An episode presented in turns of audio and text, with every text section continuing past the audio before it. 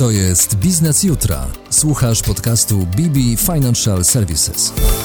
Dzień dobry. Dzisiaj moim gościem jest profesor Aleksandra Przegalińska, e, która e, zajmuje stanowisko prorektorki do spraw współpracy międzynarodowej w Akademii Leona Koźmińskiego. Dzień dobry, witam cię serdecznie. Dzień dobry, cześć. Ale to nie koniec afiliacji, pozwól, że ją rozwinę. Dobrze. Jesteś pracownikiem naukowym American Institute for e, Economic Research. Tak. Dawniej związana byłaś z najsłynniejszą Politechniką Świata, czyli MIT, obecnie z Harvardem. Tak, tak.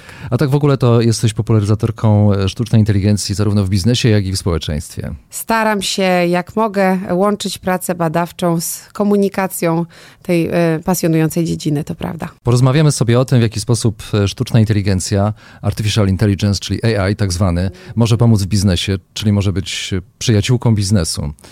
No właśnie, czy AI jest pomocna w biznesie, czy raczej obnaża słabość firma, jeśli tak, to w tym drugim przypadku, no właśnie, co możemy tutaj wskazać? To jest akurat bardzo dobre pytanie, uważam, i dobrze też postawione, dlatego że wydaje mi się, że my jesteśmy w takim bardzo specyficznym momencie, jeśli chodzi o sztuczną inteligencję w biznesie specyficznie i w organizacjach. Dlatego, że sztuczna inteligencja e, jeszcze kilka lat temu była taką dziedziną, o której się mówiło w czasie przyszłym. Się mówiło, co ona zrobi, i e, jakieś spekulacje były na temat tego, jak to terminator albo osobliwość zawładną światem, jak to stracimy wszyscy pracę w związku ze sztuczną inteligencją i takie jakby bardzo binarne, dystopijne, utopijne wizje towarzyszyły tej dziedzinie, a teraz ona się bardzo urealniła. I ostatnie trzy lata, myślę dwa, trzy lata, to jest czas, kiedy rzeczywiście ta sztuczna inteligencja zaczyna być stosowana, są konkretne nakłady na sztuczną inteligencję, inwestycje e, po chmurze i rozwiązaniom chmurowym, można powiedzieć, zawdzięczamy jakąś taką e, cyfryzację pierwszą, a teraz ten drugi etap cyfryzacji, albo już nawet trzeci, nie wiem, można powiedzieć, jakiejś takiej poznawczej transformacji już w tej chwili, bo to, to jest taka technologia też bardzo blisko człowieka i, i tego, jak człowiek myśli. W każdym razie, więc to jest kolejny etap e, tej cyfryzacji i ta sztuczna inteligencja w nim kluczową rolę pełni. I w związku z tym firmy małe, średnie, duże rzeczywiście w tą sztuczną inteligencję inwestują, a zadają jednocześnie pytanie, jak mi się to e, zwróci? E, czy ja będę mieć nową segmentację klienta, dzięki czemu lepiej zrozumiem swoich klientów i będę dostarczać lepiej lepiej usługi, e, czy ja może zoptymalizuję sobie jakieś procesy wewnątrz organizacji, jakieś e, produkcyjne rzeczy i tak dalej, e, albo dostawcze, współpracę z klientami, albo z partnerami Albo na przykład, czy będę w stanie jakoś redukować koszty dzięki sztucznej inteligencji, no bo na przykład bot będzie obsługiwał 24 na 7 infolinię, będę w związku z tym do tej konkretnej funkcji zatrudniać mniej ludzi. Więc te pytania już padają i sztuczna inteligencja jeszcze nie dostarcza na nie jakichś takich bardzo klarownych odpowiedzi. Znaczy, o ile wiemy na pewno, że jej potencjał w bardzo wielu dziedzinach jest ogromny, medycynie, logistyce i tak dalej, to jeśli chodzi o takie przyłożenie lupy dokładnie do jakiejś konkretnej organizacji i powiedzenie, no dobrze, zainwestowałem czy zainwestowałaś w sztuczną inteligencję i co dalej, to na razie wszyscy mówią, no jesteśmy na takim etapie testowania, co nam to da. Są sektory, które są trochę dalej, właśnie ta medycyna albo farmacja, ale większość jeszcze tak naprawdę nie wie, jak no, czerpać benefity, można powiedzieć, z tej sztucznej inteligencji. Żeby czerpać te benefity, to oprócz samych rozwiązań technologicznych, wydaje mi się, że jeszcze są potrzebni odpowiedni ludzie, pracowniczki, pracownicy, tak. którzy będą potrafili wykorzystać umiejętności mm, komputerów, układów krzemowych. I pytanie właśnie dotyczy tego, to znaczy, czy to, że w tej chwili firmy jeszcze nie potrafią wykorzystać do końca zdolności, umiejętności sztucznej inteligencji, odpowiedzi na to pytanie nie należy poszukać w tym, że obnaża to w jakiś sposób słabość zespołu. Ja myślę, że nie słabość, tylko może pewnego rodzaju nieprzystawalność do tego, co technologia oferuje. I to nie jest niczyja wina tak naprawdę. Technologia akceleruje, przyspiesza w takie dosyć nieoczekiwane, moim zdaniem, sposoby, dlatego że ta sztuczna inteligencja to też jest projekt, który ma wiele dekad za sobą. I wiele z tych dekad to były dekady martwe. Jakieś tam ktoś dłubał, robił jakiś mały research, nikogo to nie obchodziło. Były okresy w ogóle kompletnego odwracania się od sztucznej inteligencji. To wiesz dobrze, te zimy sztucznej inteligencji. No i dopiero ten 2010 rok, 12, to jest taki czas, kiedy nagle doszło do takiej niesamowitej kolizji trzech czynników, czyli wielkie zbiory danych, które my generujemy, które fabryki generują, organizacje generują, ślady cyfrowe, computational power, czyli moc obliczeniowa, no i właśnie nowe algorytmy wzorowane na ludzkim mózgu mózgu e, sieci neuronowe. I te trzy czynniki sprawiły, że ta sztuczna inteligencja nagle odpaliła w sposób dosyć nieoczekiwany, moim zdaniem, dla, dla wielu ludzi. I nie jest to technologia, o której się tak naprawdę dużo wie. Moim zdaniem wielu ludzi czerpie z niej, o niej wiedzę z, głównie z jakichś tam powiedzmy filmów dystopijnych, najczęściej hollywoodzkich produkcji, gdzie ona jest przedstawiana jako coś niepokojącego. Natomiast tak w praktyce brakuje troszeczkę tej świadomości. Nadganiamy, nie mówię, że nie, rzeczywiście dociera jakoś powoli ta sztuczna inteligencja pod strzechy, ale myślę, że mało firm ma poukładane procesy tego, jak się dostosować troszeczkę do tej technologii, jak zmienić architekturę swoich zespołów, jak zrobić reskilling, czyli prawda, przeprowadzić pracowników i pracowniczki przez te kolejne etapy kompetencji cyfrowych, żeby oni czuli się komfortowo z tą sztuczną inteligencją. Jak w ogóle zmienić procesy w całej organizacji, no bo technologia teraz się przesącza wszędzie. To już nie jest tak, że IT to jest jakiś departament w firmie. Nie, no to IT jest wszędzie pozaszyfane, we wszystkich procesach i AI pewnie też za chwilę będzie. Natomiast czynnik ludzki, no nie chcę powiedzieć, że jest słabą stroną, bo to jest takie może trochę nie okej okay w stosunku do ludzi, ale na pewno na razie jest nie tak dobrze przemyślana ta mapa drogowa do sztucznej inteligencji. Zadając w ten sposób pytanie, chciałem cię trochę sprowokować. No Wydaje tak. mi się, że, udało się. Że, że mi się udało. Z drugiej strony też nie możemy chyba udawać, że y, poznaliśmy się tutaj w studiu przy tak. tym podcaście, bo przecież napisaliśmy książkę tak. wspólnie. Tak. I zobacz, książka jest sprzed dwóch lat, ta nasza nieludzka, arcyludzka i mam wrażenie, że tyle nowego się od tamtego czasu wydarzyło, dlatego, że no ta dziedzina właśnie jest w takim niesamowitym e, przyspieszeniu. Wydaje mi się, że na przykład, że jak my pisaliśmy tą książkę, naprawdę ona jest aktualna w, w dużej mierze, ale nie było takiego elementu jak na przykład no-code albo low-code, czyli takie podejścia do sztucznej inteligencji, e, gdzie nie trzeba programować w ogóle. To było w zarodku. W tej chwili ja patrzę, że rzeczywiście e, to jest nie tylko tak, że to ludzie muszą muszą wyjść do sztucznej inteligencji, czy zespoły muszą wyjść i się nauczyć, ale też ta sztuczna inteligencja się ze swojej strony trochę przybliża do ludzi, ponieważ nie stawia tych barier. To znaczy nie jest tak, że musisz świetnie programować i być niesamowitym wymiataczem w algorytmice, żeby stosować sztuczną inteligencję. Jesteś sobie agentem nieruchomości i chcesz zrobić jakiś model prosty, który ci pokaże, jak będą przyrastać nieruchomości na Pradze, w okolicy, w której e, się tutaj znajdujemy. No dobrze, no to jeśli masz dane historyczne, to wrzucisz to w model i sobie jak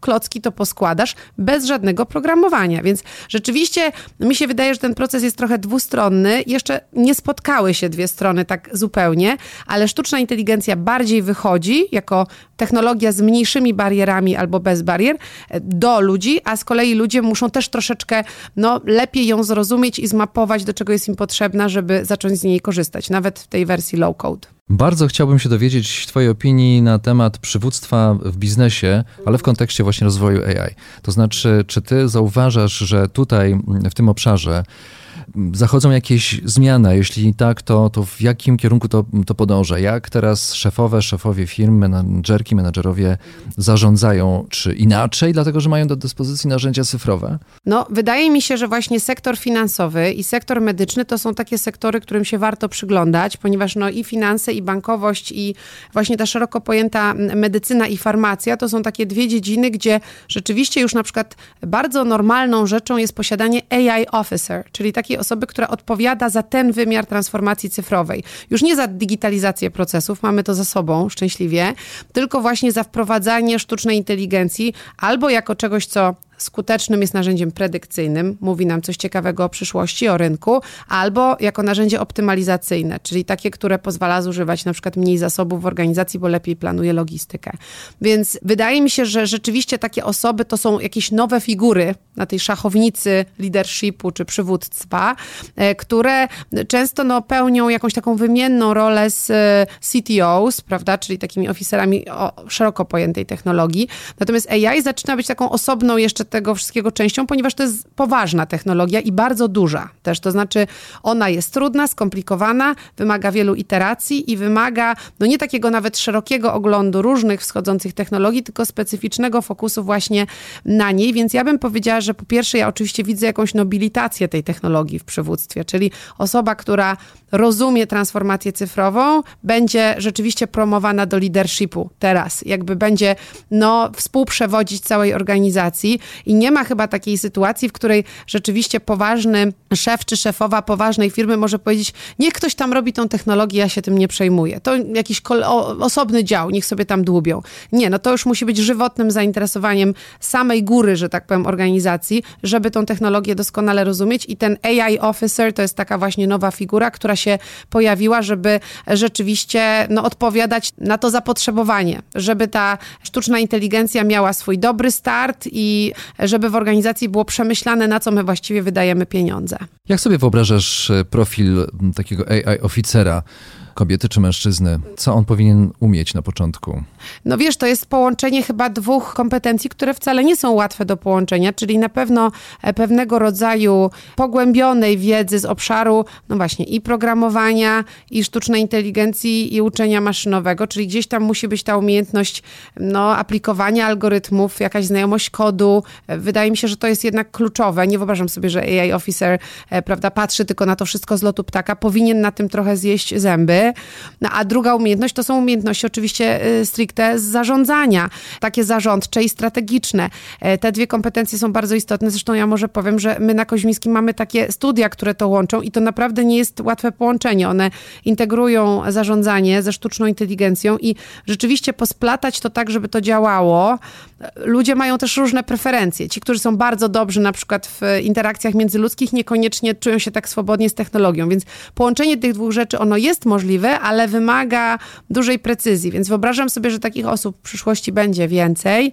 E, rzeczywiście, że więcej osób, które w ogóle nawet kierują się czy osiują się na biznes, będzie tak czy siak jakoś tam w toku swojej kariery i kształcenia tą technologię brać pod uwagę jako coś, z czego trzeba się jeszcze dodatkowo dokształcić. Więc myślę, że to jest osoba o takim janusowym obliczu, która i umie w biznes, i umie w AI. Spróbujmy teraz podać dosłownie w jednym bądź dwóch zdaniach takie informacje, które otworzą oczy, skierują zainteresowanie naszych odbiorców w stronę zastosowania sztucznej inteligencji. No, myślę tutaj na przykład jak można zdefiniować machine learning? No możemy y, oczywiście powiedzieć, że dzisiaj skuteczna i szybka diagnostyka medyczna, czyli na przykład przetwarzanie obrazu, co jest elementem machine learningu, nie działaby się, no właśnie, gdyby tego machine learningu y, w tym nie było.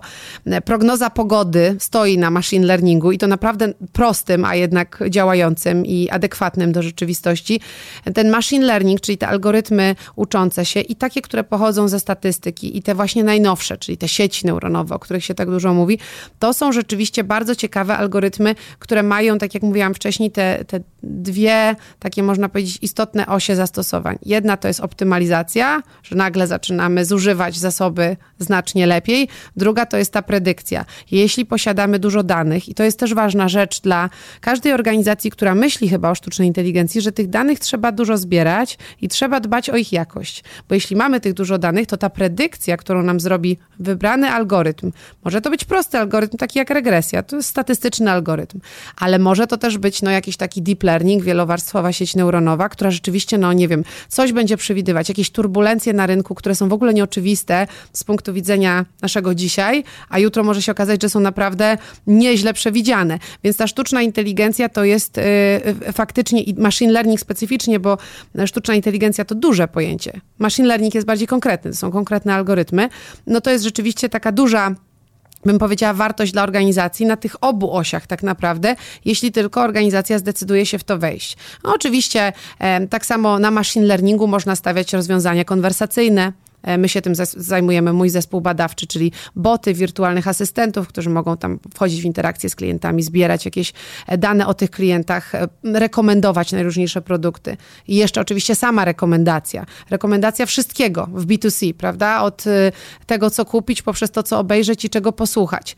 Bez algorytmów uczenia maszynowego nie robilibyśmy tego. Po prostu nie mielibyśmy takiej usługi jak Netflix czy Spotify. To jest jasne. Więc tej sztucznej inteligencji w naszej rzeczywistości biznesowej jest jest bardzo już w tej chwili dużo. Od razu, kiedy wymieniałaś te hasła klucze dotyczące sztucznej inteligencji, myślałem o tym, że właściwie przekazujesz taki obraz narzędzi zarządczych w firmie. Właściwie wymieniłaś te, te najważniejsze bloki. Tak, tak. Zabrakło mi cyber security, to jeszcze o to dopytam. Powiedz, czy sztuczna inteligencja ma zastosowanie właśnie w tym obszarze? Ma zdecydowanie i to jest oczywiście obszar i w kontekście tego, co się działo w czasie pandemii, to znaczy tego, że tak się ucyfrowiliśmy i tego, że teraz mamy wojnę, to jest bardzo, bardzo ważne, dlatego że że no, cyber security staje się takim priorytetem też dla bardzo wielu organizacji. Jest coraz więcej no, takich napaści, można powiedzieć, na tle cybersecurity. Coraz więcej firm tego doświadcza, e, w związku z tym musi się skuteczniej bronić i oczywiście sztuczna inteligencja niestety, muszę to powiedzieć, ma tu zastosowania po obu stronach mocy. To znaczy jest stosowana i do tego,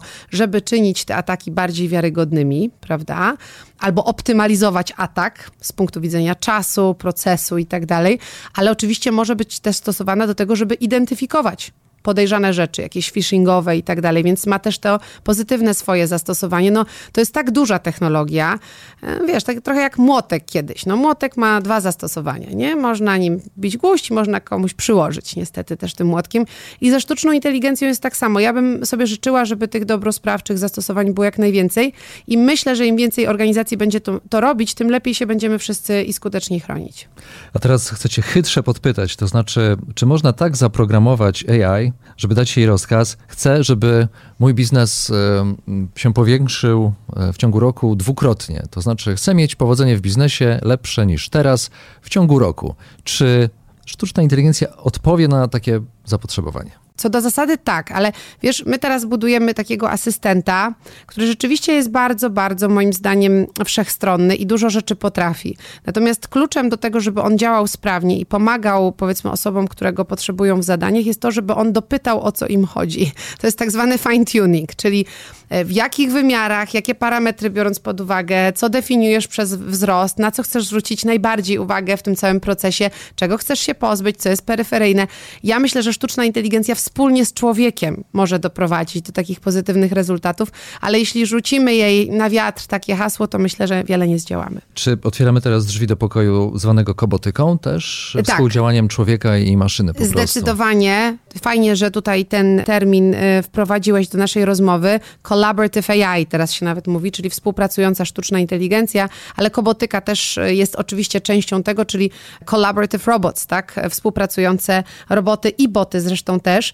To jest bardzo teraz prężnie rozwijająca się dyscyplina sztucznej inteligencji, w której mówimy, że human is in the loop, czyli człowiek jest jakby tutaj w całej tej osi bardzo istotny, a nawet, że ona jest human-centric, czyli że o człowieka tutaj chodzi, o jego decyzje, że sztuczna inteligencja ma się dopiąć, dopasować do człowieka, ale nie ma pracować samodzielnie, dlatego że ona jest e, często ślepa na rozmaite rzeczy, które my doskonale widzimy i tylko wtedy są efekty synergii, kiedy widać tą dobrą współpracę sztucznej inteligencji, która jest świetna na przykład w znajdowaniu jakichś ukrytych korelacji w wielkich zbiorach danych. Jakbym tobie tutaj dała excelowską tabelę z milionami kolumn, nie sądzę, żebyś szybko zobaczył, a sztuczna inteligencja w sekundę, ale za to to ty jej powiesz, jakby o co ci w tych danych chodzi, do czego one mają no, na takim wyższym poziomie abstrakcji doprowadzić organizację, prawda? W związku z tym tylko z waszej jakby synergii można uzyskać jakieś takie ciekawe dla organizacji efekty i to jest dzisiaj bardzo ważny trend. Już się nie mówi o automatyzacji pracy w tej chwili, mówi się właśnie o współpracy z AI dużo częściej. Wprawdzie już pojawił się wątek,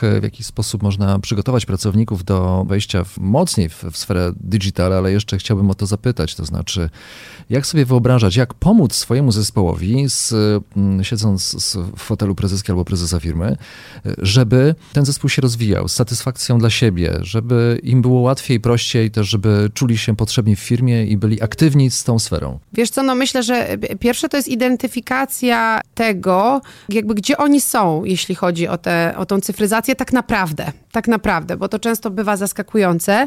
I też jakby co jest możliwe w ogóle, taki, taki e, prawdziwy assessment, który będzie mieć e, spersonalizowany charakter, czyli nie wszystkim wrzucamy ten sam trening, naprawdę już przy dzisiejszych możliwościach tak być nie musi. Są osoby, które będą chciały się zatrzymać na tych rozwiązaniach low-codowych, bo na przykład będą się czuły lepiej, kiedy będą operować tak, jakby z kimś rozmawiały, prawda? Czyli jakby jest konwersacja naturalna ze sztuczną inteligencją, mówię jej, że czegoś chcę, no i ta sztuczna inteligencja coś dla mnie tutaj robi. Są osoby, które będą chciały wejść głębiej, czyli na przykład będą chciały uczyć się programować, niekoniecznie będą tworzyć własny kod, ale będą już potrafiły e, implementować gotowe biblioteki do jakichś tam różnych zagadnień i są osoby, które tak to porwie, że wejdą na ten jeszcze wyższy level, no właśnie, budowania algorytmów i będą no, zafascynowane tym. To bardzo zależy od zdolności, talentów, kompetencji. Dla każdego jest miejsce. To jest ważna rzecz do powiedzenia w tej przestrzeni, ale to są różne miejsca. Nie każdego trzeba przymuszać, żeby teraz zrobił kurs z Pythona. To jest absurdalne. To tylko i wyłącznie doprowadzi do niechęci części pracowników. Trzeba pokazać właśnie odwrotnie.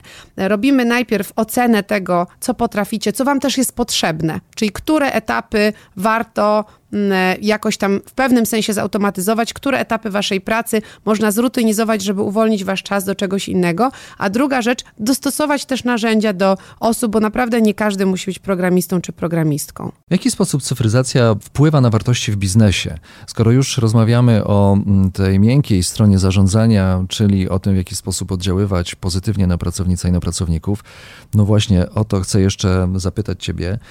Czy y, widzisz coś takiego, że mm, teraz zarządzanie zmieniło się pod wpływem narzędzi cyfrowych na bardziej humanocentryczne, skoro sama sztuczna inteligencja jest orientowana właśnie na współdziałanie z człowiekiem, nie ma tutaj granicy stawianej? No to jest ciekawe pytanie, bo ja nie wiem, czy technologia tutaj to sprawiła, czy my sami zauważyliśmy, że za bardzo się zapędziliśmy e, technologicznie w kozi róg, w którym nie ma już miejsca dla ludzi i to nie jest zbyt dobrze.